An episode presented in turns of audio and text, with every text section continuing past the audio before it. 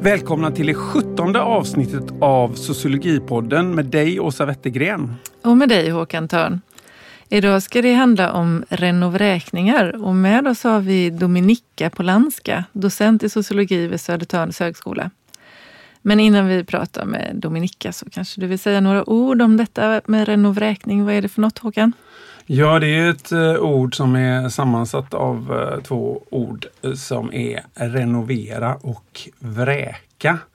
Och det har kommit i bruk på 2000-talet i samband med då just renoveringar av hyresbostäder med åtföljande hyreshöjningar då som varit så höga att människor har behövt flytta för att de inte har råd med den nya hyran. Därav vräkning då. Och det... Vräkning genom renovering kan man säga. Just det. Och det blir alltså väldigt höga hyreshöjningar då? Ja, alltså eh, vi har sett i forskningen upp till 120 procent faktiskt. Det kanske är ett extremfall men det är inte ovanligt med 50 procent. Privata hyresvärdar ligger ofta lite högre men även allmännyttan ligger ofta just där runt 50 men hur är det möjligt? Vi har ju inte marknadshyror i Sverige. Nej, vi har ju någonting som heter bruksvärdeshyra.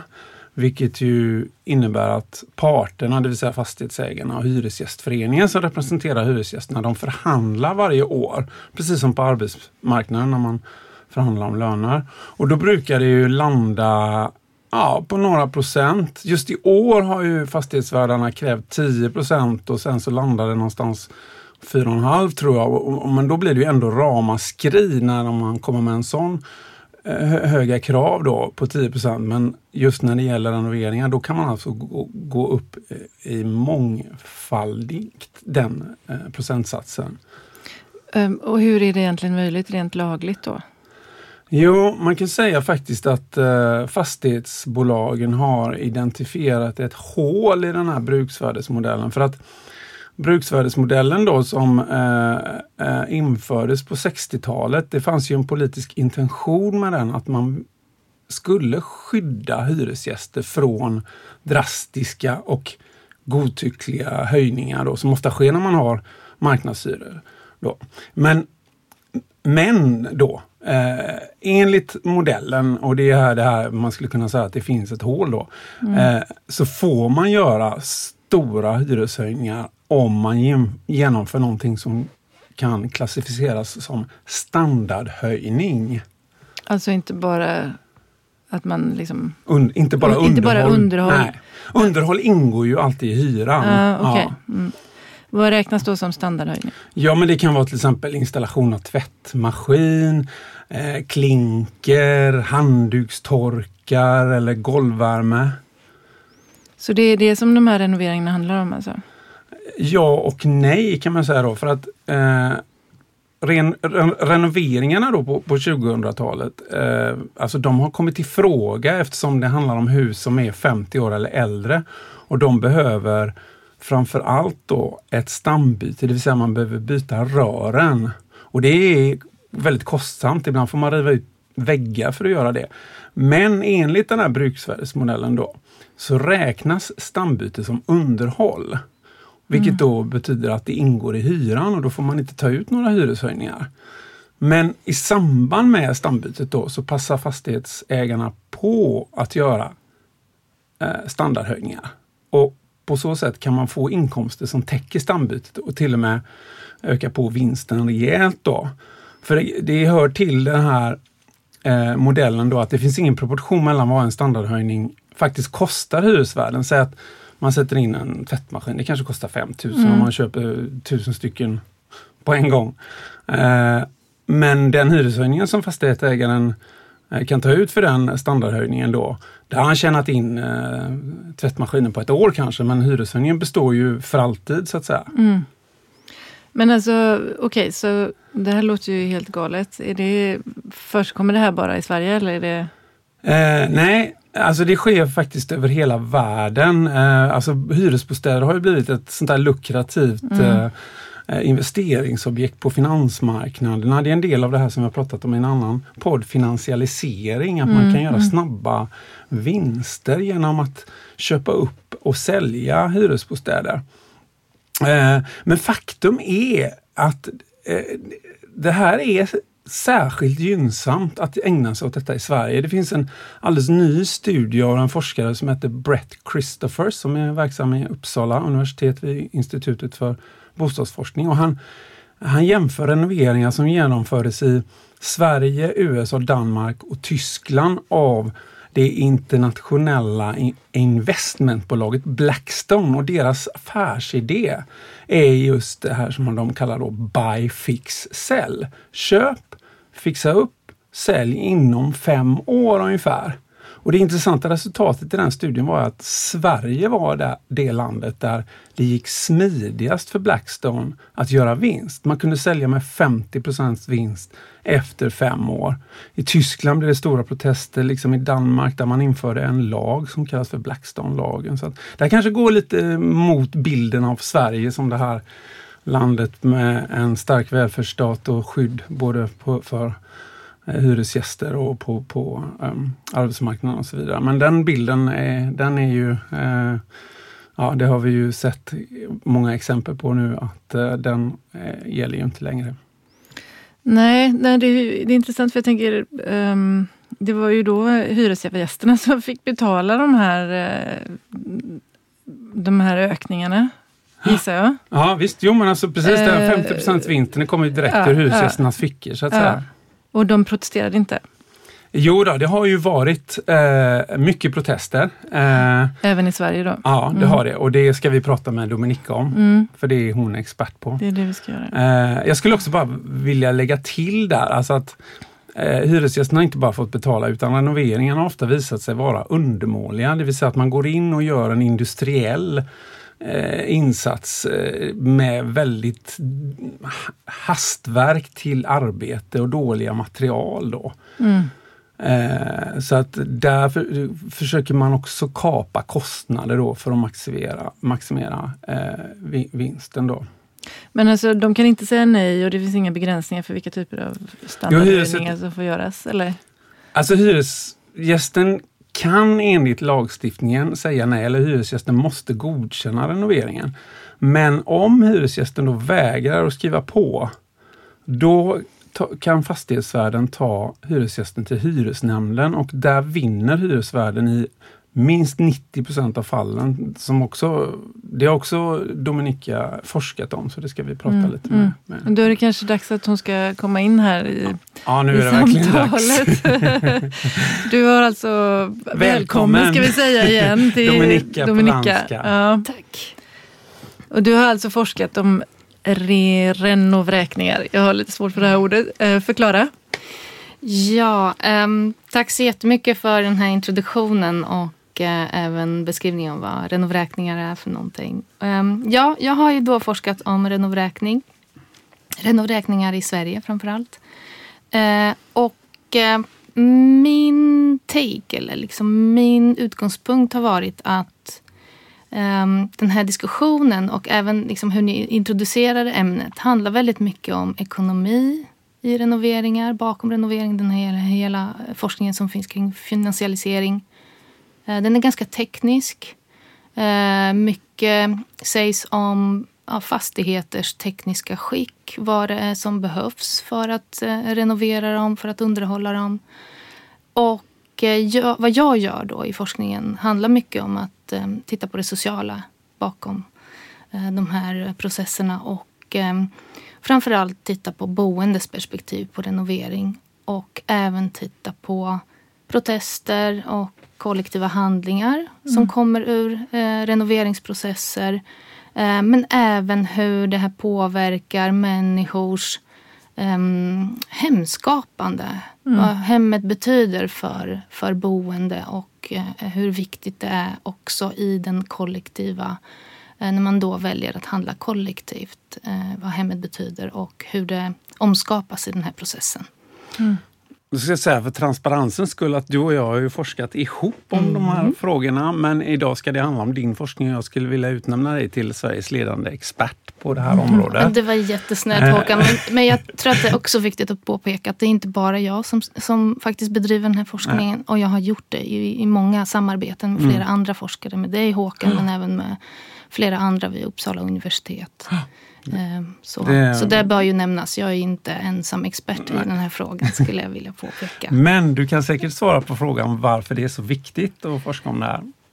Om just renov ja, ja, ja, men absolut. För att mycket av den forskning som jag har bedrivit har ju visat på eh, både skadliga konsekvenser av, av renoveringar eh, som leder till eh, att människor behöver flytta. Eh, och eh, hur det påverkar hur de som då utsätts för den här processen, eh, hur de hur de uppfattar sig själva som medborgare i samhället och hur eh, samhällskontraktet bryts i när eh, människor utsätts för att deras hem att de riskerar att förlora sina hem. Så det här behöver inte ens vara att människor faktiskt har behövt flytta utan under själva processen när eh, boende i hyresrätt inser att de riskerar att förlora sina grannar eller att de riskerar att inte ha råd att bo kvar på en plats som de har bott på kanske länge. Så um, upplever de att deras tillit till samhället bryts. Mm. Och de ifrågasätter sin egen roll i samhället. Och det är ju ganska skadligt för samhället i stort bostadsområden, vad som sker, den sociala kontrollen i ett bostadsområde, grannskap men också människor på individnivå mm. eh, blir uppbrutna på det här sättet och traumatiserade. Så det är no någonting som eh, jag försökt belysa i min forskning om hur traumatisk den här upplevelsen är. Så det är viktigt ur den här synpunkten men också ur, eh, om vi zoomar ut från ämnet och tittar på hur bostadspolitiken ser ut. Hur eh, det som av Karina Listerborn har då kallats för bostadsojämlikheten i Sverige ser ut och vilken ojämlikhet som råder mellan kanske hyresrätt och bostadsrätt eller mm. andra ägda boendeformer så är det här ett ganska tydligt exempel på, eh, på en ojämlikhet som finns i boendet. Och, och, till exempel inflytande och kontroll över ens egna hem som då hyresgäster som då utsätts för en sån här process inte har i samma utsträckning som kanske de som äger sitt boende. Mm. För att tillägga också att jag tycker att det är spännande den här artikeln som vi har läst av dig och eh, nu kommer jag inte ihåg vad din medförfattare hette. På, uh, Åsa Rickard. Åsa Rickard, mm. precis. Uh, där ni tittar på de olika strategierna för motstånd.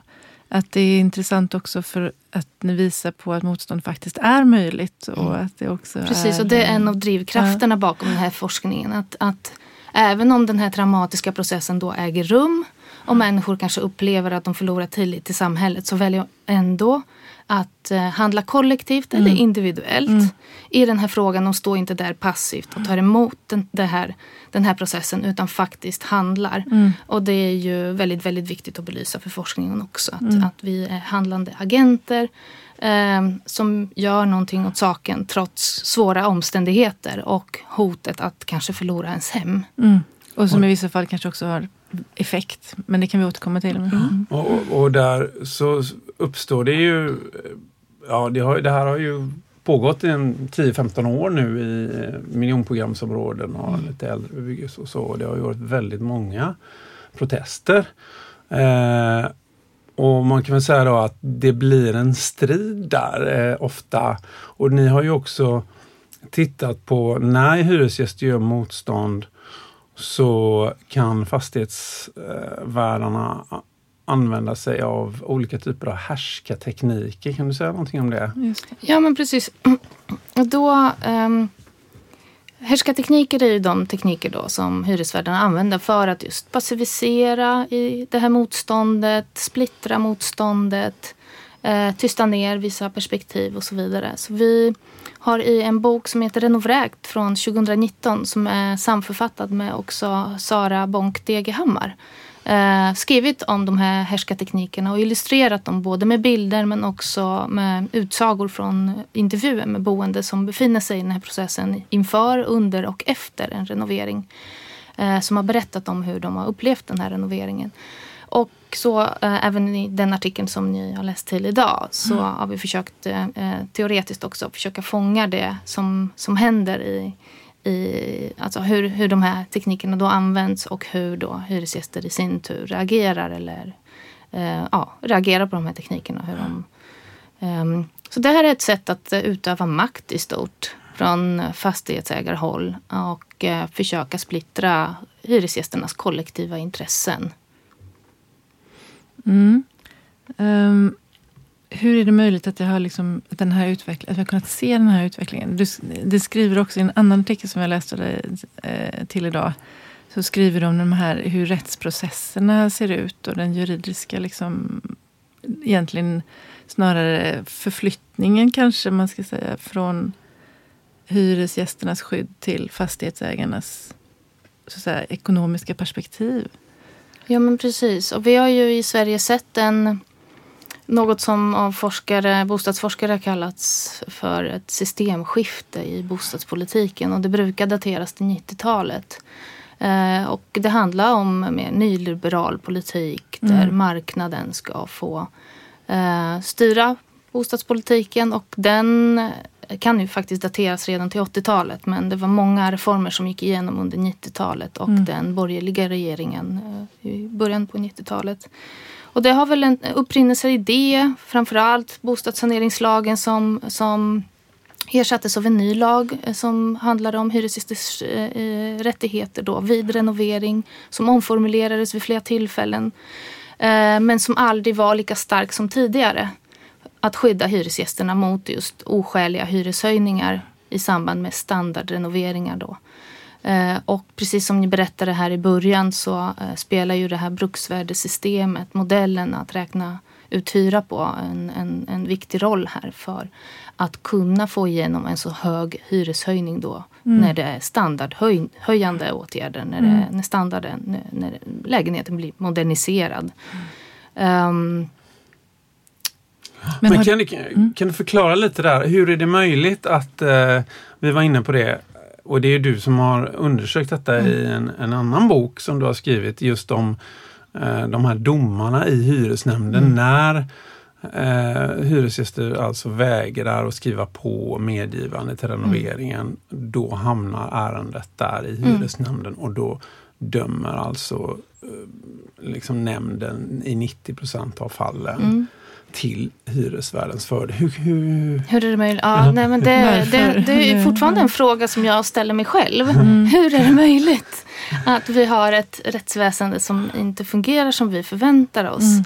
Men sen om man tittar på forskning som eh, handlar om legal studies eh, så är inte det eh, ovanligt att att rättspraxis faktiskt gynnar en fastighetsägare mm. eller de som har egendom.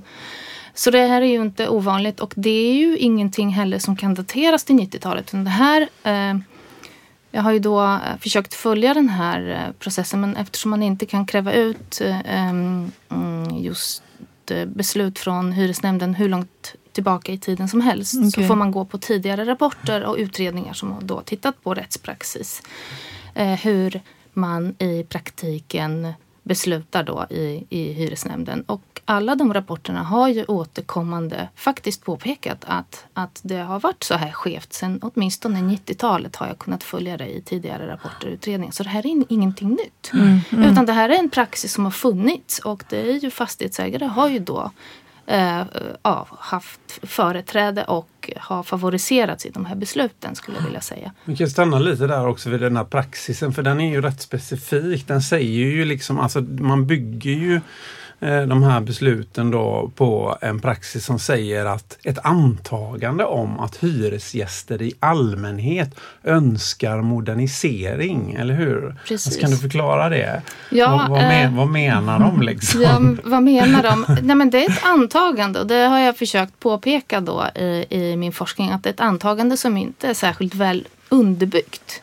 För det finns inga eh, direkta referenser till några undersökningar bland hyresgäster och vad dessa skulle kunna tänka sig och önska och ha i sina lägenheter. Utan det är ett antagande man tar utifrån vad, man, vad som är vanligt inom branschen. Och det ser man också i den här rättspraxisen. Man hänvisar i sina beslut hänvisar man till vad som är vanligt förekommande i branschen. Det är alltså, ju vanligt den standard som är vanligt förekommande ja, då. Mm. I branschen och mm. ifrågasätter överhuvudtaget inte att det finns ekonomiska intressen bakom mm. att en viss standard då används i branschen. Mm. Utan det antas vara det som är vanligt förekommande och därför rättvist. Det är ju mm. inte det. Mm. Men att uh, hyresgäster i allmänhet önskar någonting är ju ett antagande som också finns eh, inskrivet i lagen men som inte är underbyggt. Utan man antar att det här är vad hyresgästerna förväntar sig. De vill ha en modern standard. Mm. Och jag tänker där att det är lika viktigt som vad det där säger är ju vad det inte säger som du är inne på där. Ja visst, eh, jag har också varit med på möten där, där hyresgästerna tycker ja men vi vill väldigt gärna att ni moderniserar våra våra lägenheter, för ni har inte gjort något underhåll kanske på 20 år. Men, men liksom, vad kostar det? Alltså, mm.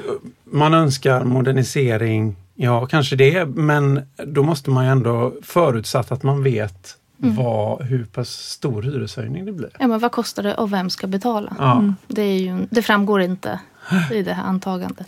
Men vilken roll, för det finns ju också ändå den här Hyresgästföreningen till exempel. Mm. Ska ju då dra sitt strå till stacken i det här sammanhanget tänker jag. Men är det naivt att tro det eller? Att de ska hjälpa hyresgästerna i förhandlingar, till exempel rättsliga förhandlingar eller mot eh, fastighetsägarna? Ja, alltså Hyresgästföreningen har ju eh, traditionellt haft en väldigt viktig roll för den mm. bostadspolitik vi har i det här landet idag. För de eh, rättigheter som hyresgäster har. Föreningens storlek är ju extremt stor proportionellt sett. Eh, om man tittar, jämför internationellt. Vi vet ju såklart, alltså, det är ju typiskt när man ser fackföreningsrörelsen mm. och eh, konflikter på arbetsmarknaden, att liksom, de här etablerade organisationerna är väldigt stela och trögrörliga, byråkratiska och kanske i viss mån också lite så här för institutionaliserade mm. överhuvudtaget för att kunna delta i protester. Men jag fick ändå en känsla av att Hyresgästföreningen här var väldigt explicit ändå stöttade hyresgästernas protester. Mm.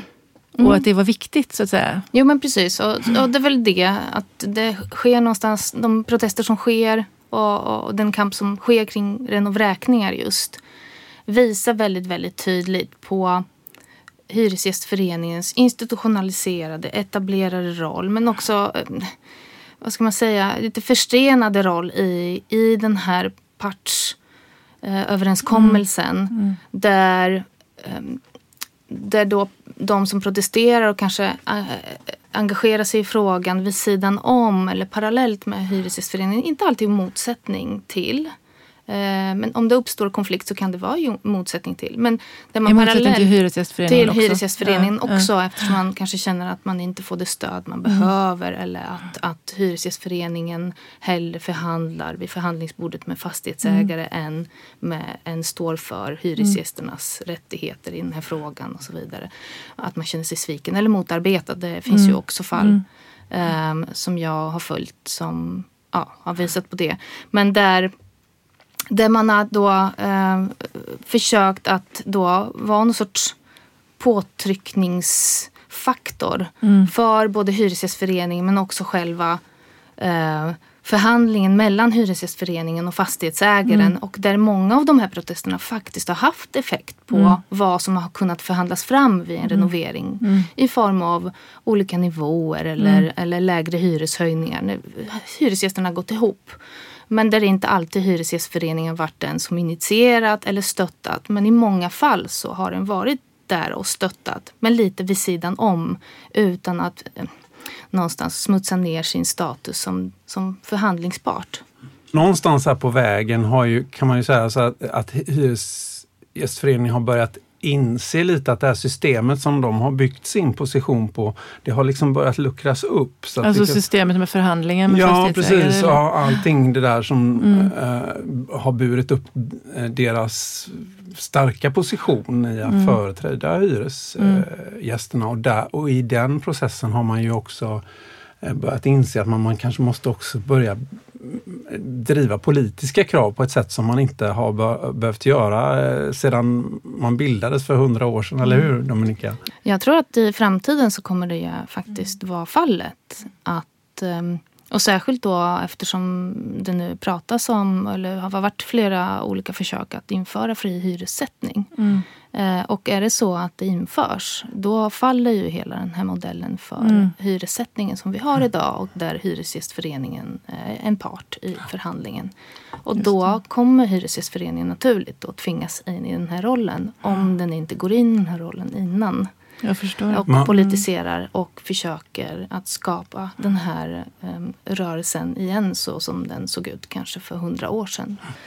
Men, men jag har eh, också, jag tycker den här artikeln är väldigt spännande där ni tittar på motståndsstrategier och fastighetsägarnas maktstrategier som vi pratade om alldeles nyss. Då, tystande, övervakning, splittring och sen hyresgästernas motstånd. Um, vi har pratat lite lokalt identitetsbygge. Kan du berätta lite mer om det? För det tycker jag också är väldigt spännande. För det, plötsligt så, det kan ju, föreställer jag mig, röra sig om, jag bor själv i hyreslägenhet så jag vet ju att jag känner långt ifrån alla grannar.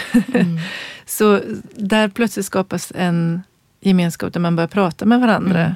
Mm. Kan du berätta lite mer ja, om det? Ja, precis. Och det är jättehäftigt för att eh, mycket i den internationella forskning som handlar just om bortträngning, eh, renovräkningar så fokuseras just det här mer traumatiska, eh, det som eh, ja, men på engelska kallas för unhoming eller domicide. Att mm. hemmet, man, man blir liksom man riskerar att förlora sitt hem och hemkänsla och man pratar om att eh, eh, platsanknytningen bryts, psykisk ohälsa ökar, folk verkligen mår dåligt. Mm.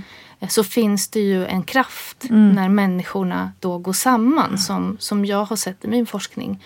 Eh, där just den här upplevelsen av att vara tillsammans, mm. i, sitta i samma båt blir så givande för hur hur trivseln i området faktiskt ökar. Mm. Hur grannar pratar och det blir det enda ämnet man pratar om. i Och man pratar ju faktiskt med grannar man aldrig har pratat med tidigare. Eh, man pratar när man rastar hunden och det blir liksom ämnet man pratar om. Mm. Det är flera hyresgäster som har sagt också att man blir så monotematisk också. Men samtidigt att att eh, gemenskapen i, i området ökar mm. så mycket. Och samtidigt um, under den här liksom, processen så märker ju, då, då föder det också en viss sorg hos mm. de här personerna som, som jag har pratat med. Eh, för att de blir då rädda att förlora den här gemenskapen. Mm. Att man liksom har hittat sina grannar på det här sättet.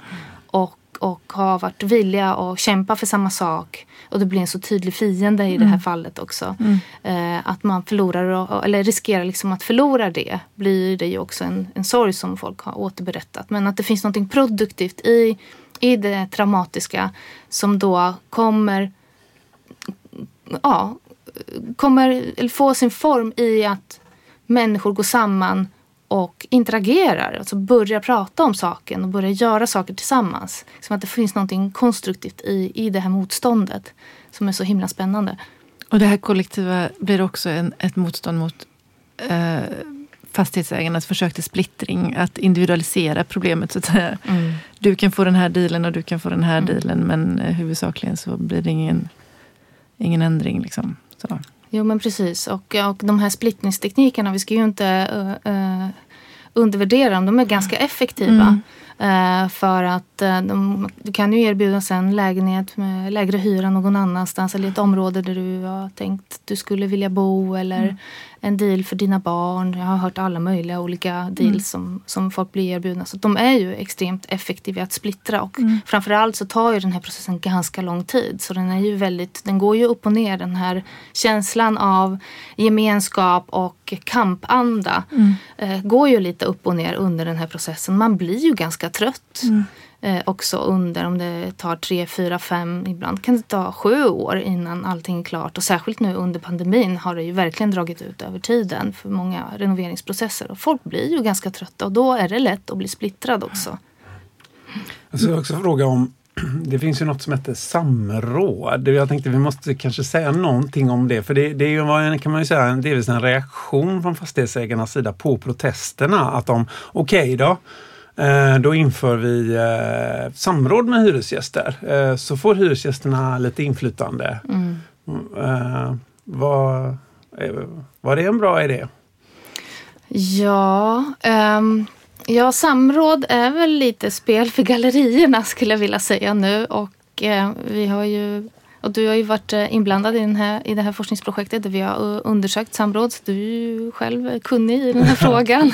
Inte förvånad att du ställer den.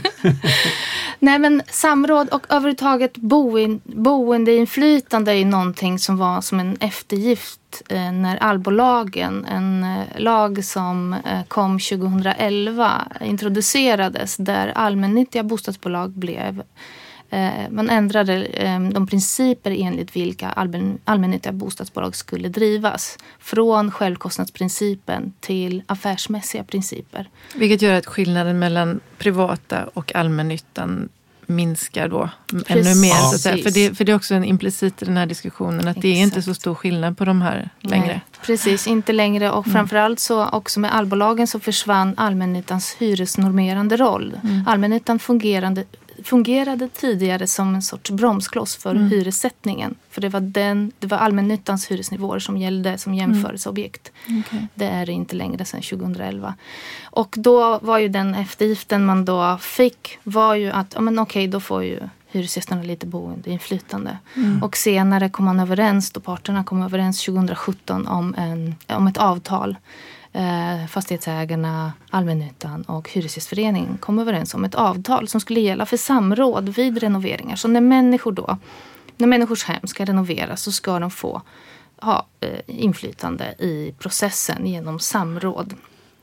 Och eh, Samråd är ju egentligen eh, separata från hyresförhandlingen. Så i samråd kan hyresgästerna komma överens med fastighetsägaren om eh, kosmetiska eh, åtgärder när det gäller mm. just renoveringen. Så i, reell, när det gäller reellt inflytande så skulle jag nog inte säga att eh, samråden är så verkningsfulla. Då får man ändå mm. ställa frågan, eh, har protesterna haft något, någon effekt?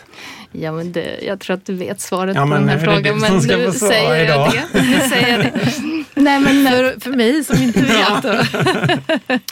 Åsa och alla lyssnare. Protesterna har haft effekt för de fall vi har följt i vårt forskningsprojekt mm. som har pågått i över fyra år. Eh, så har vi sett, då har vi tittat på samråd och vi har följt flera samrådsprocesser.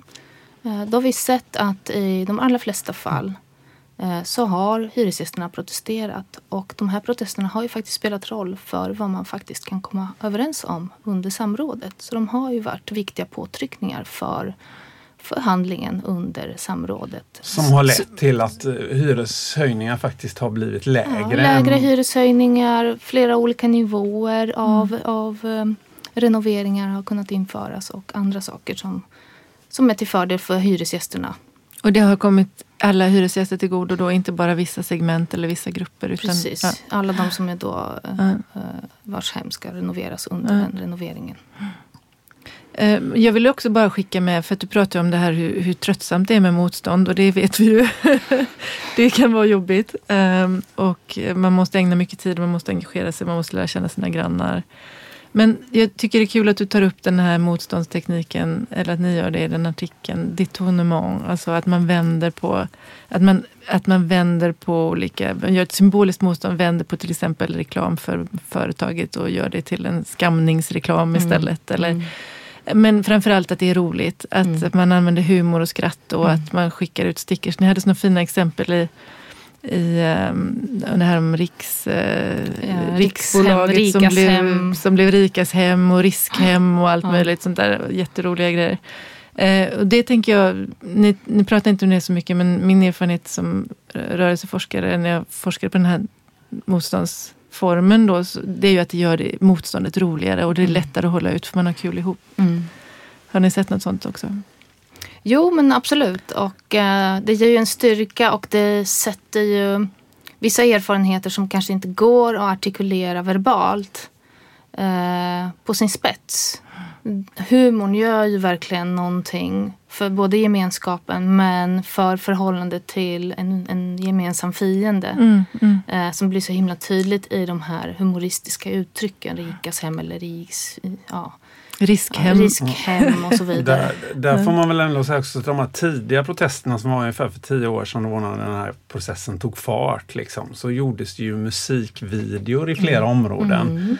I Där ni Uppsala var med, och Göteborg. Håkan. Ja, jag får väl out- outa mig själv här. Och jag har också varit en av de tidigaste renoveringsprocesserna Mm. här i Göteborg var på Pennygången och där bodde jag då. Mm. Och då gjorde vi en musikvideo. Det gjorde man också i, Kvarngärdet i Uppsala, en rapvideo. Man gjorde det på Vita Björn i eh, Mm. Göteborg. Så, som som eh, jag tror faktiskt fick rätt stor spridning. Den har haft många visningar har de haft i alla fall. Mm. Så, så, så apropå din fråga om humor, för de är ju humoristiska eh, Mm. Och liksom använder sig av, av eh, konst som motstånd. Mm. Ja, så har man ju roligt ihop. Och det tror jag är superviktigt att man inte bara är arg ihop i en rörelse. För vrede är ju väldigt förbrännande. Så. Jo men precis. Ja. Precis, och det finns flera olika skämtlåtar som har tillkommit på sistone där, där ja, viss, texterna är roliga och vänder liksom upp och ner på saker och ting som blir liksom nästan absurd. Och det i sig skapar ju en känsla av, av kämpaglöd. Och det här attrahera media, Mm. Inte minst. Mm. Skojiga protester av det här slaget väcker medias intresse. Och du, sk- ni skriver ju också om hur viktigt det är just med synligheten. Precis. Och att man ibland kan få media till och med att agera ombud för att liksom ställa fastighetsägarna till svars. Då. Ja, men precis. Och att det används just res, Mm. rent strategiskt. Mm. Mm. Du, vad kan man ta med sig i vardagen eh, från din forskning på det här området? Ja, men eh, i vardagen. Nej, men framför allt så handlar Vad ska det ju... hyresgäster hotade av Ja. renoviction ta med sig? Ja, men precis. Nej, men framför allt handlar det ju om, om människors hem. Eh, och inte om fastigheter eller bostäder, om tekniska detaljer. Utan att faktiskt människor bebor de där fastigheterna och har gjort sina hem där. Eh, och, det är väl, ja, och för att ha ett, en fungerande vardag så behöver vi också ha trygga hem. Ett grundläggande mänskligt behov att ha kontroll, ha ett hem som vi kan dra tillbaka oss till men också odla sociala relationer i. Eh, känna trygghet i som är en stabil punkt i vår, i vår vardag och i, i, i vår roll i samhället i stort. Liksom. Eh, men om vardagen ska fungera så behövs det också ett fungerande hem. Men då kommer vi till den här eh, avslutande frågan som kommer lite från sidan. Men varför blev du sociolog egentligen, Dominika? Ja, men det finns väl två förklaringar till det. En personlig förklaring eh, som har att göra med att eh, framförallt när jag började studera på universitetet så flyttade jag till Stockholm. Eh, och eh, sen dess har jag bott i olika miljonprogramsområden eh, i de södra förorterna i Stockholm. Och den upplevelsen eh, har ju präglat mig som urban sociolog. Skulle vilja beskriva mig själv som urban sociolog. Att få bo på dessa platser och samtidigt möta människor som blir helt oförstående över varför och hur kan du bo där. Samtidigt som jag har trivts jättebra eh, på de här platserna. Eh, har ju då format mig eh, och mina forskningsintressen. Men också att jag började läsa på Södertörns högskola och eh, eh, där då läste mycket urban sociologi med de personerna som eh, arbetade där. Eh, och det fanns ju en hel del eh, sociala rörelseforskare också som, som eh, eh, påverkade mig att titta på just rörelser som har att göra med bostadsfrågor och platser i stort i staden. Och eh, vi har en till sista fråga. Och det är ju att vi vill be dig om, eller vi undrar om du har funderat på något eh, boktips? Ja, men jag, har, jag tror att jag har ett klockrent boktips. Eh, jag tänker faktiskt tipsa om eh, Per-Anders Fogelströms Stockholmsserie som består av fem böcker som återger Stockholms liv över hundra år, 1860 till 1960. Och eh, visar liksom både på den här processen om hur staden förändras och hur förutsättningarna för människorna då, hur staden, hur förnyelsen påverkar människor. Hur människor flyttar in till staden. Första boken handlar om liksom hur folk, eh, om urbanisering i stort och hur det är att flytta in till staden och försöka hitta sig ett hem. Eh, och hur det påverkas, hur generationer av människor påverkas av också stadens omvandlingar över tid. Men också eh, tycker jag att den här boken visar på hur eh, mycket som ändras i Sverige under den här hundraåriga perioden med arbetarklassens kamp mm. och Hyresgästföreningens kamp för en bättre liksom, levnadsmiljö i staden och hur det blir bättre över tid att bo i staden och så vidare.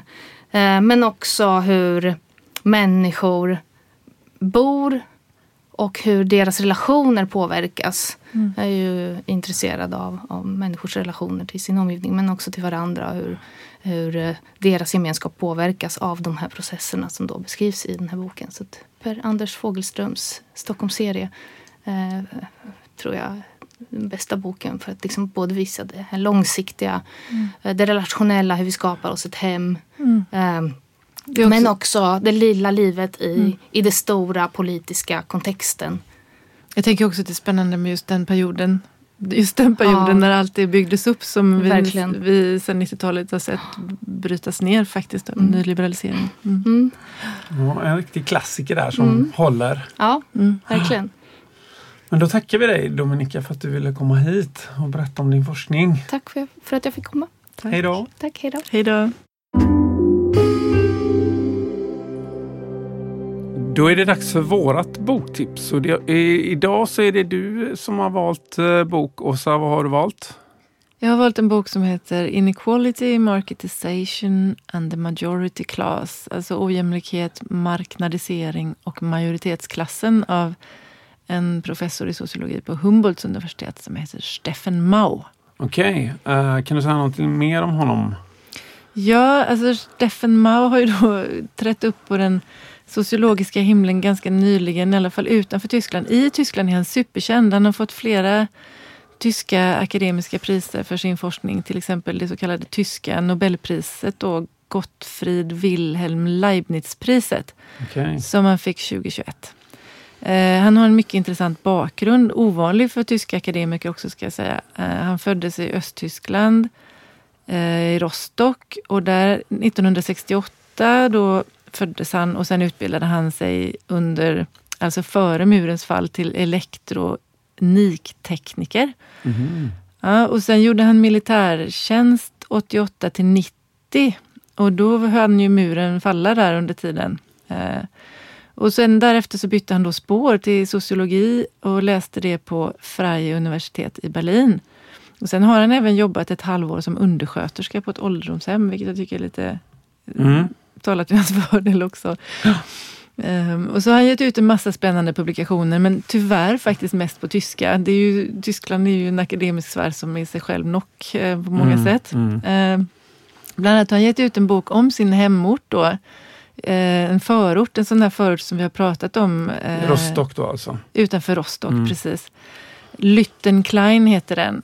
och det, det handlar om känslan av att vara liksom överbliven och left behind och hur, hur det här, hur det, hur det här liksom östtyska samhällsbygget bara föll sönder och de sociala sprickor som uppträdde efter murens fall och när, när de, vid återföreningen och, så, och hur det gav upphov till bitterhet och förbittring och känsla av att liksom vara lämnad till sitt öde där då. Inte minst i Lüttenklein. Uh, ja, så att, eh, och sen har han ja. gett ut på engelska också lite böcker som The Moral Economy of the Welfare State och nu senast en bok som heter The Sorting Machine som handlar om gränspraktiker och digitalisering och hur man sorterar människor som får komma in och inte. Aha, ja, han gör jättespännande grejer. Den här boken som du har valt då, om du bara säger kort, vad handlar den om? Eh, jo, den, kort sagt så handlar den, alltså den handlar ju, eh, undertiteln är faktiskt varför medelklassen accepterade nyliberalism. Ah, eh, så det, och jag tycker det är spännande för han har det här fräscha ögat liksom, på västvärlden och vår kultur som ju då har utformats parallellt och avskilt från den kultur som han växt upp i. Så, att, mm. så han, han, kan se grejer det är kanske inte nya saker han säger, men det är, han, ser, han ser det i ett annat ljus och med en annan skärpa som jag tycker är jättefascinerande att läsa faktiskt. Mm. Har du något bra uh, citat?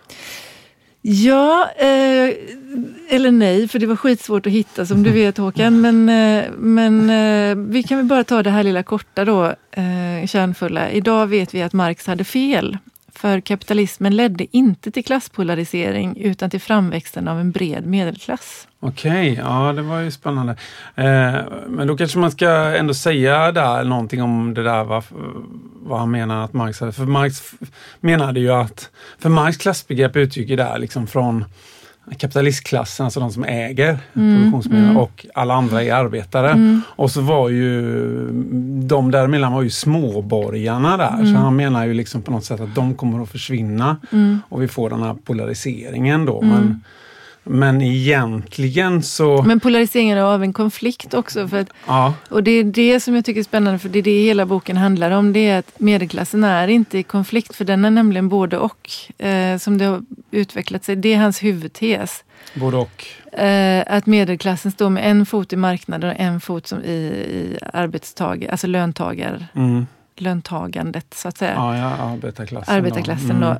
och, och, den, den, eh, och det ja, han beskriver det här i nio väldigt effektiva kapitel. Han är ju makrosociolog då, så att han är, eh, bygger på stora liksom, dataregister och eh, longitudinella eh, enkät och, och eh, statistisk, statistiskt insamlade data över tid och ser då förändringar sen efterkrigstiden fram till idag eh, för den här gruppen då.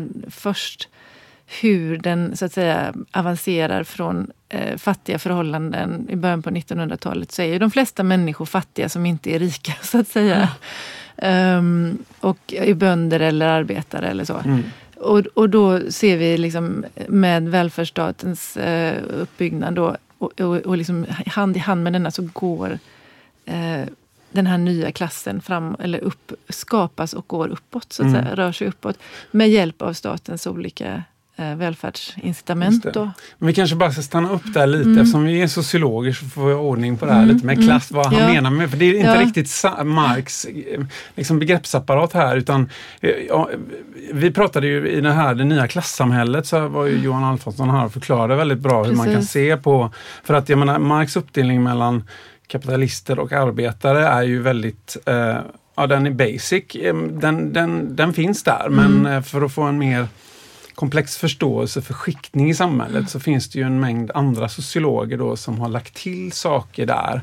Och där man pratar om jag menar, status, mm. mm. inkom. Ofta sociologer vill ju kanske inte titta på så här mycket på inkomstkategorier utan mer relation. Hur mm. stort inflytande mm. har man i sin, sitt arbete? Mm. Alltså det var ju det status. Johan var inne på, ja, just precis, inflytandet som parameter. Så att, så att, men kan det vara... Och jag vet också Ma hur Mao ser på klass, tänker ja, du? Jag tänkte bara också säga Göran Terborn eh, som är den ledande mm. svenska sociologen på det här området. Han gör i och för sig en ganska enkel eh, definition i sin senaste bok av medelklassen där han säger liksom att det finns två grupper. Det är småborgarna då, som mm. Max pratar om. De som, alltså små som affärsägare som, mm. och, så, och så är det tjänstemän. Mm. Mm. Men vad, vad, vad säger Mao? Alltså Mao måste ju givetvis, eftersom han är statistiker eller kvantsociolog eh, eh, så måste han ju operera med vissa, vissa tydliga liksom, parametrar för hur han ska mäta och hur man mäter medelklassen och hur man, hur man har mätt medelklassen i de olika undersökningar som han bygger sin bok på. Sen, med det sagt så visar han inga konkret... Han, han, han är inte sån kvantsociolog som kör fram en massa tabeller och så. I alla fall inte i den här boken för den är skriven just med, med fokus på tolkning av data. Så. Mm. Eh, men han har alla dessa data i, i fickan så att säga. Och det är klart att han måste ha en tydlig idé om vad, vad, hur han definierar medelklassen. Men i boken är han inte så tydlig. Och jag skulle säga att han använder sig av både så här mer ekonomiska definitioner och kulturella Kulturellt kapital ja, som borde göra... Kulturellt kapital är... finns absolut med här. Det, det, är bildning och utbildning och det är eh, en inkomstnivå som gör att man inte är fattig, att man har en frihet så att säga. Och, och till detta då över tid. Också kanske för att han just tittar på förändringar över tid så blir det heller inte lätt att nagla fast i bara en specifik kategori utan det här är ju en Hela det här skiktet så att säga får ju över tid också möjlighet till exempel att köpa sina hem. Mm. Och, och, det var ju också någonting som bara var förbehållet jätterika människor i början på 1900-talet. Men plötsligt då idag så är 60 procent i snitt av Europas eh, eh, medborgare äger sina hem, vilket är extremt stort. Så att ja, säga. Eh, Men du, det, Ja. han, han anser väl att en ganska stor del av befolkningen tillhör medelklassen? Alltså, Det gör Har han. någon siffra det på gör det? han. Eh, han i, I till exempel Danmark så säger han att det är 67 procent. Men Ah. det är bara om man räknar med alla statliga bidrag som, som, som den här medelklassen hävdar han ju då är beroende av. mm. Tar man bort det och bara tittar på inkomst, alltså vad man har att röra sig med, med in, för inkomst, Eh, så hamnar alla, alla eh, då hamnar faktiskt så mycket som 37 procent av de här 67 under, alltså ner i fattigdom. ja, ja, då är han inne liksom på en, alltså en definition som handlar om inkomst. då, Ja, kan vad man kan röra sig Ja, med, vilka mm. friheter man kan ha. Och det är klart att han, man, han kan säkert förklara det här, hur, men i boken går han inte in på i Nej, detalj. nej, men vi lämnar det nu. Men vi kan säga brett. Mm, eh, Vi mm. förstår medelklassen brett. Liksom, Och han säger att det är den största klassen, och- det är den största väljargruppen. Eh, I hela Europa, i alla länder, så, är, så har de mer än 50 procent av rösterna. Och de är också de som är benägna, mest benägna att gå och rösta för att de har mest intresse i att delta i liksom, demokratiska processer. Eh, så, så det är också en paradox. Han menar liksom om medelklassen befinner sig idag i kris. Det är väl han, säger inte, han, säger, han säger inte exakt kris, men han säger att den befinner sig i väldigt svåra dilemman idag. Eh, den kommer att ha väldigt svårt att reproducera sin status som medelklass i framtiden. Inte minst kommer inte barnen till eh, medelklassen idag alls att få en lika härlig framtid som de själva har kunnat njuta av. så att säga. Um, hela det här löftet om en stida, ständigt förbättrad eh, levnadsstandard och ständigt ökande inkomst och så, det, det, det stoppade egentligen redan på 1980-talet. Men då trädde ju marknadiseringen in och låntagandet. Eh, och där ser vi, säger han, ett skifte i, i medelklassens värderingar också. för att Men får jag bara, bara Ja. eh, om man får bara avbryta det här lite för du, du pratar om skiftet där 80-talet Ja, och då är ja. det liksom nyliberalismen som börjar. Men jag tänker om vi, om vi backar där Mm. lite för han har väl någon idé om egentligen om att alltså med vet, välfärdsstatens framväxt så blir Alltså det som vi pratar om i Sverige som klassresan blir ja, eh, utbredd. Alltså det är central. väldigt många som gör resan från Ja. arbetarklass till medelklass. Det är väl det som är startpunkten om jag har förstått honom rätt. Det är absolut startpunkten och det är, det är hans tes som han driver i de första kapitlen. Att liksom så här kom medelklassen till. Den blev till under de här expansiva åren då efter andra världskriget. Och eh, den blev till, som jag sa, hand i hand med, med, med välfärdsstatens utveckling. Och alla de här omfördelningarna, eh, omfördelning av resurser och, och pengar och, och eh, rättigheter, arbetares rättigheter, bla bla bla, bla, bla eh, skolan, eh, utbildning. Allting, eh, vård och omsorg, allt som, som välfärdsstaten har varit känd för gagnade den här klassresan som människor då gjorde. Och det var väldigt många människor som gjorde det. Alltså hela, egentligen det som man kallar för medelklassen idag. Jag kan inte låta bli att tänka där för att det finns någonting eh, i de här Palme-biografierna som Mm. säger att vid någon tidpunkt så väckte Palme ändå frågan om att eh, våran politik eh, måste eh, inte bara rikta sig till arbetarklassen utan också till medelklassen för den utgör en så växande del av befolkningen. Därför skapar man generell välfärd, alltså inte Precis. inkomstbaserad eh, bidrag utan generella bidrag. Och det är också en, en tes som han driver genomgående att när, och det säger han faktiskt så, så, så kaxigt som att vi vet, säger han, att eh, uppåtgående social mobilitet är förenat med minskande solidaritet och stöd för omfördelning av resurser. Så att i början så är medelklassen de som bär upp det här. De röstar på Socialdemokraterna, de är för välfärdsstaten. Och någon gång på 80-talet då, i och med det här skiftet, så, så slutar de med det. Eh, och börjar rö- röra sig högerut istället. Men det är också i takt med att de faktiskt också då blir på olika sätt involverade i marknaden och deras framtider blir investerade i marknadens utveckling genom låntagande för att köpa hus, genom pensionsfonder, genom att eh, i vissa länder tar de ju då väldigt stora lån för att deras barn ska få den bästa utbildningen. Alltså alla de aspekterna och genom att ehm, i och med att lönerna stagnerar någon gång på 80-talet, den kraftiga löneutvecklingen uteblir så att säga, så förmerar de sitt kapital istället genom att investera i olika aktiefonder och på Bostäder. finansiella... Ja, bostäder naturligtvis, men det är också någonting man måste... Men där har ju många blivit rika i Sverige, inte minst.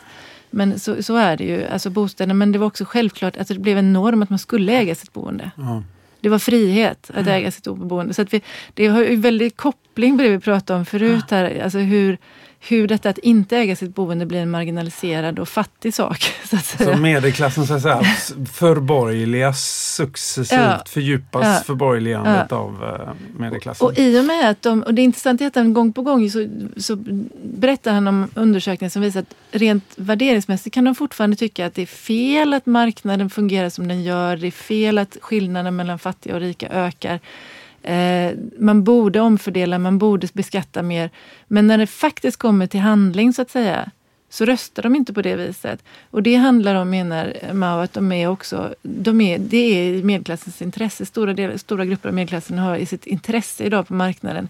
Och eh, i och med att de också har en allt större inkomst av kapital som investeras på, i, i finansiella verktyg och medel och så, eh, så är de intresserade av låga skatter. Och de vill absolut inte höja skatterna för sig själva, så att säga. De vill gärna göra det för andra. Eh, så de står där liksom med fötterna på varsin sida om, och samtidigt poängterar han då, är de fortfarande beroende av statligt stöd. Och det är statligt stöd som idag inte ser ut som fattigstöd. Nej, det där är intressant. Utan det är en- ränteavdrag, det är jobbskatteavdrag, det är eh, generella bidrag som till exempel barnbidrag, det är CSN, det är sådana saker. Liksom. Eh, och, det, och det ser de ju inte som bidrag. De tenderar inte heller att se, alltså, ja, se att det är liksom att de faktiskt skyldiga staten detta, utan det är lite som poäng, poängen som man också gör, eh, inte minst med Storbritannien, att den här medelklassen tenderar inte att se detta som ett eh, statligt stöd överhuvudtaget. De ser inte att de får mer än de ger. De tycker att de ger mer genom sina Ja. skatter än vad de får, men så är det faktiskt inte. då. Ja, men jag, om jag får skjuta in... Eller vi kanske jag ska säga, för jag tillhör ju själv denna Ja, ja. gruppen. Liksom. Ja, men man får skjuta in, in där. Du, nu bor ju både du och jag i hyresrätt. Ja. Och vi, där är vi ju liksom eh, undantag skulle man säga, eh, givet våran eh, klassposition då. Mm. Eh, men, men det är någonting som, eh, som har slagit mig också eh, apropå Dominikas forskning och där har jag varit inne och forskat också på något sätt när man är ute och pratar om hyresrätten i forskarsammanhang och, och sådär så är det ju så oerhört få människor då i medelklassen som bor i hyresrätt Mm. idag. Mm. Som överhuvudtaget känner till hur det fungerar och hela den här reformen som eh, Dominika pratade om, bostadspolitikens omvandling där ju man avskaffade en massa subventioner till hyresbostäderna. Mm. Medan eh, de som äger bostäder idag har ju massor med sub subventioner med, Mm, med ROT och RUT och, Ja, och, gud, ja. och, och ränteavdrag och så vidare. Som, där hyresgästen inte får någonting. Mm, mm. Det säger han ju också att, att eh, ett, skäl till, ett, ett, på, ett pådrivande skäl till varför folk börjar köpa sina bostäder är ju också att eh, hyresmarknaden har förändrats och utvecklats och hyrorna blivit, att det har blivit så dyrt att hyra. Så att det, man, det har, under lång tid har det ju lönat sig, inte minst i Sverige, då, att faktiskt köpa sitt boende om man har råd. Om man har råd att hysta in den där insatsen och ta ett lån på några miljoner, då landar man på en månatlig utgift som är lägre än en, en snitthyra idag. Så, Mm. för för Ja. samma storlek på lägenheten så att säga. Mm. Och inte minst efter renovictions då. Ja precis. Jo men och ny, Ehm. nybyggda eh, hyresbostäder. Så egentligen det dyraste som du dyra. kan bo i idag är ju, är ju faktiskt eh, Nybyggd hyresrätt. nybyggd eller, ny, eller, eller så, Nyrenoverad. nyrenoverad Ja. hyreslägenhet. Jag, bara, jag bara slänga in där också, det var en diskussion bland bostadsforskare också för några år sedan. Jag vet inte exakt hur det ser ut idag men, men eh, vid den tidpunkten så tror jag det var så att det inte var någon av riksdagsledamöterna som bodde i en hyresrätt. Och Mm. Det, eh, Det säger ju någonting. Ja. För, för det, det, som, det som hans bok också handlar om, som jag tycker är så himla spännande. Alltså varenda grej som man tänker att, ja, som kvalitativ sociologisk forskare så vet, så vet man det här men man har liksom inga belägg för det direkt. Men han smackar in liksom de här statistiska överväldigande ändå eh, statistiskt signifikanta bevisen för att så här är det. Den här utvecklingen är så att säga sann och den här tolkningen är möjlig. Liksom. Eh, men vad var det jag ville säga med det? Ehm, eh, eh, jo, det jag tycker är spännande är just att eh, han visar ju på liksom att förändringar i en sociostrukturell position som den här klassen går igenom också medför förändringar i ett eh, psykologiskt och så att säga mentalt, kulturellt perspektiv. Så. Då man, tänker jag ju på man börjar individualisering. tänka på ett annat sätt och individualisering tar han ju upp som en aspekt av detta. Så. kan du inte berätta lite? För jag tror att, Jo, eh, han pratar om individualisering. Eh, jag ska se. Eh, han, pratar, han skiljer ju på individualisering och individualism. Han säger att det är två olika saker. Där individualiseringen beskriver en historisk förändring i individens relation till samhällets traditioner och sociala förutsättningar. Och det är ju det här som klassiska sociologer har studerat. Alltså individen frikopplar sig allt mer från, från olika lokala omständigheter och traditioner och kan välja sitt eget liv i allt högre utsträckning. och så. Det är inte nödvändigtvis, det är absolut inte detsamma som individualism. För individualism är då en personlig attityd som fokuserar individens egen intresse som en central drivkraft och normativ Ja. utgångspunkt. Det, men de går ju ofta ihop de här två. Ja, just det. Det ena föder det andra så att säga. Vad, vad vill han göra för poäng där med, med Eh, att skilja mellan dem? Ja, han vill nog göra en poäng med att det faktiskt är möjligt att liksom ändå värdera aspekter av individualiseringen utan att eh, vara egoist så att säga. Ja, mm. Eh, och det, det, det finns ju med också. Det är ju inte, givetvis inte så att, att ehm, Bara för att man blir mer lösgjord från traditioner och den traditionella familjen så behöver man inte bli en, en, en egoist Nej, som alltid ser det- till sitt enligt om du ska se det från med hans bakgrund i. Östtyskland, där allting skulle vara kollektivt. Alltså, Mm. Han kan se ett värde i individualis, individualiseringen. Just det.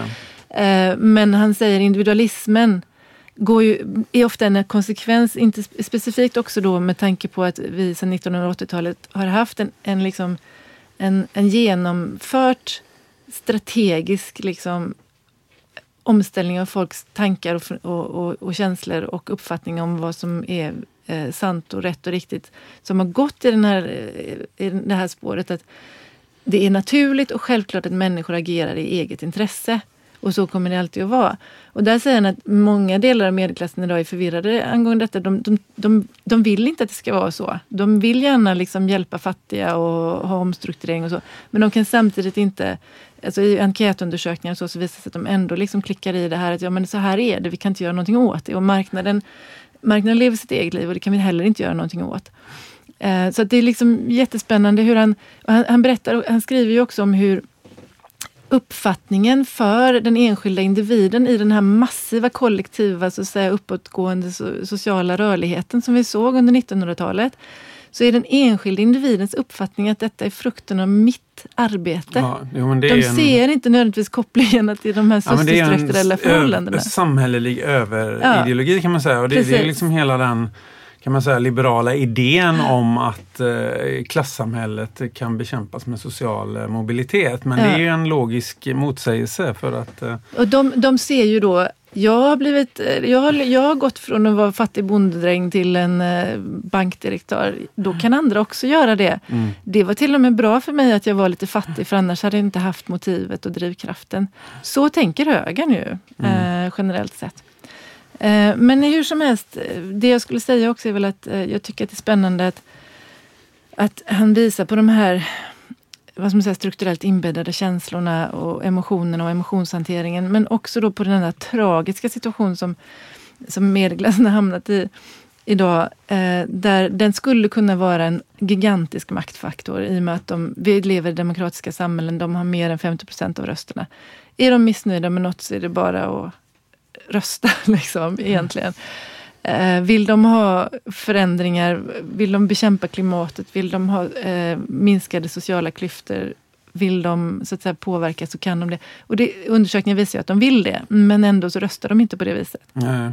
Och det, det, han, det beror ju på att de, hela deras, i och med alla de här, i och med det här ökade deltagandet som investerare på en marknad, som de har tvingats in i sedan 80 80-talet, då, eller lockats in i kanske snarare, eh, så, så är hela deras framtid bunden till alltså deras ekonomiska situation, deras sociala status, reproduktion.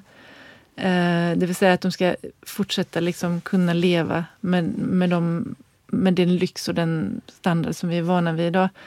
Eh, är investerade i att, att fortsatt tillväxt, att samhället Mm. fortsätter på det här viset. Ha, upprätthåller det här löftet både kollektivt och individuellt.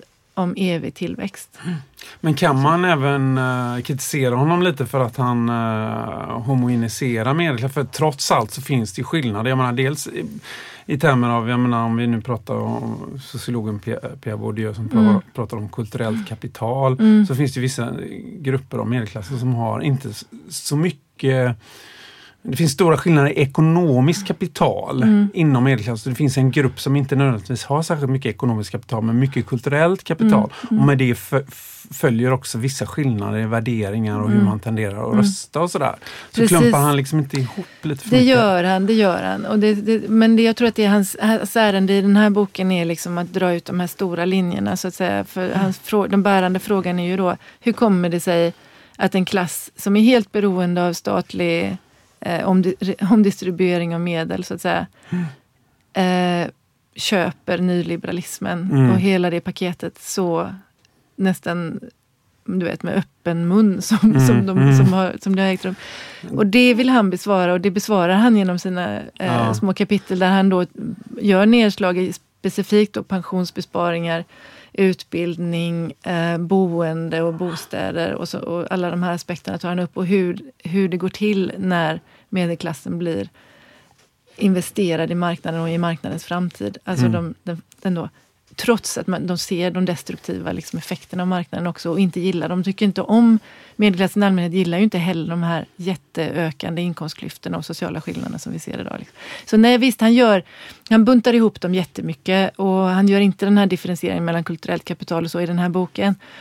Eh, men, eh, men det tycker jag inte man ska hålla emot honom just Nej. för det är inte det han diskuterar här utan han, han, det är ju verkligen, verkligen breda penseldrag så tillvida att han tittar på makrofenomenet.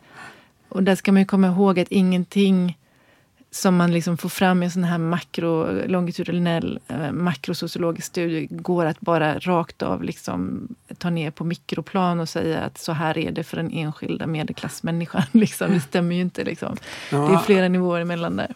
Ja, så han, man kan säga att han belyser den här myten om att nyliberalismen bara skulle handla om att staten drar sig tillbaka. I själva verket så, så är nyliberalism den sänker skatter och så vidare men den omfördelar också eh, omvänd Robin Hood så att säga. Mm. Eh, och, mm. och, att detta syns då i... Mm. Eh, det syns i medelklassens, eh, hur staten försöker hålla medelklassen om ryggen ja, så att säga. Ja. Eh, men han skriver ju också att och det tycker jag är väldigt, det kapitlet som handlar om medelklassens politiska inflytande, inflytande det är ju ganska telling för att där, dess, dess där förklarar han ju också att även om medelklassen så att säga, har en eh, mängd, eh, en, en viss politiskt inflytande så har de inte det när det gäller eh, tankesmedjor, politisk lobbying och så vidare. För där är de superrika och de superrika har ju också blivit fler. Och det är flera i de här medelklassen som har tagit det klivet upp och blivit ekonomiskt oberoende i princip. För att de kan leva av eh, avkastning på kapital och så. Mm. Eh, men de superrika människorna har i praktiken mer inflytande menar han för att de, de omgärdar politiken med sina, med sina lobbyister och med sina tankesmedjor och sina, sina påtryckningar. Och de kan välja att flytta sina eh, eh, finansiella och ekonomiska medel. De kan flytta sin förmögenhet från Sverige till till exempel Schweiz eller något annat skatteparadis. Och det skulle faktiskt, eftersom de superrikas andel av kakan nu för tiden är väldigt stor när det gäller Gross Domestic Product, BNP, BNP. Ja. Så, så, så har de makt. Ja. De har makt att påverka och det är också, förklarar också lite grann paradoxen att ibland kan man faktiskt höra att ja, men, opinionen vill ju det här. Opinionen vill ha mer billiga hyresrätter till exempel. Eller opinionen är emot vinster i välfärden. Men det händer ingenting.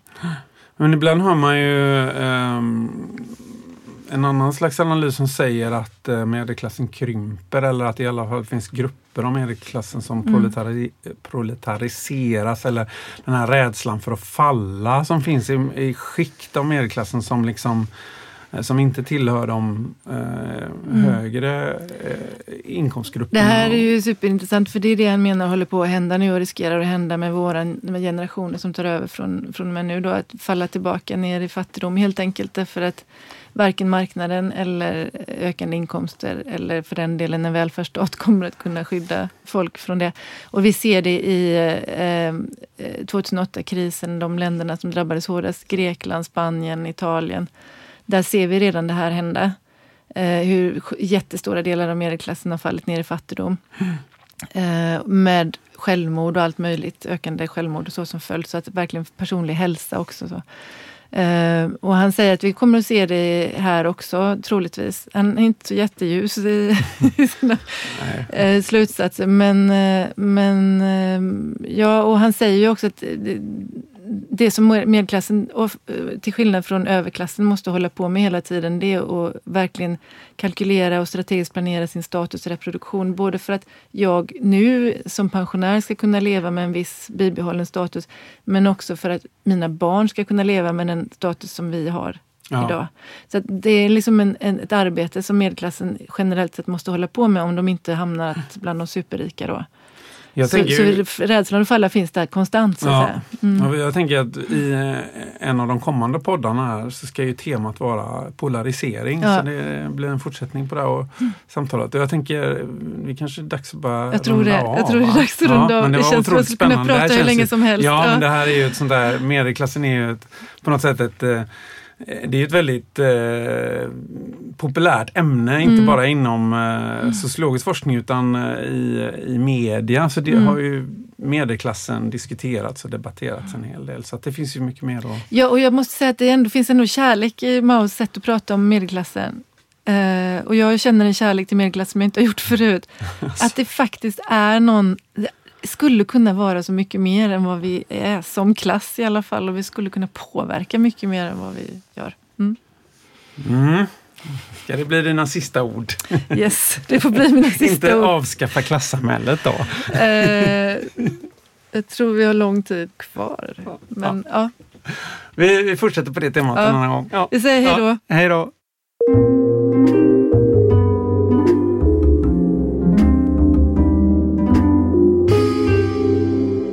Den här podden finansieras med stöd av Adolf Bratts föreläsningsfond och av Institutionen för sociologi och arbetsvetenskap vid Göteborgs universitet.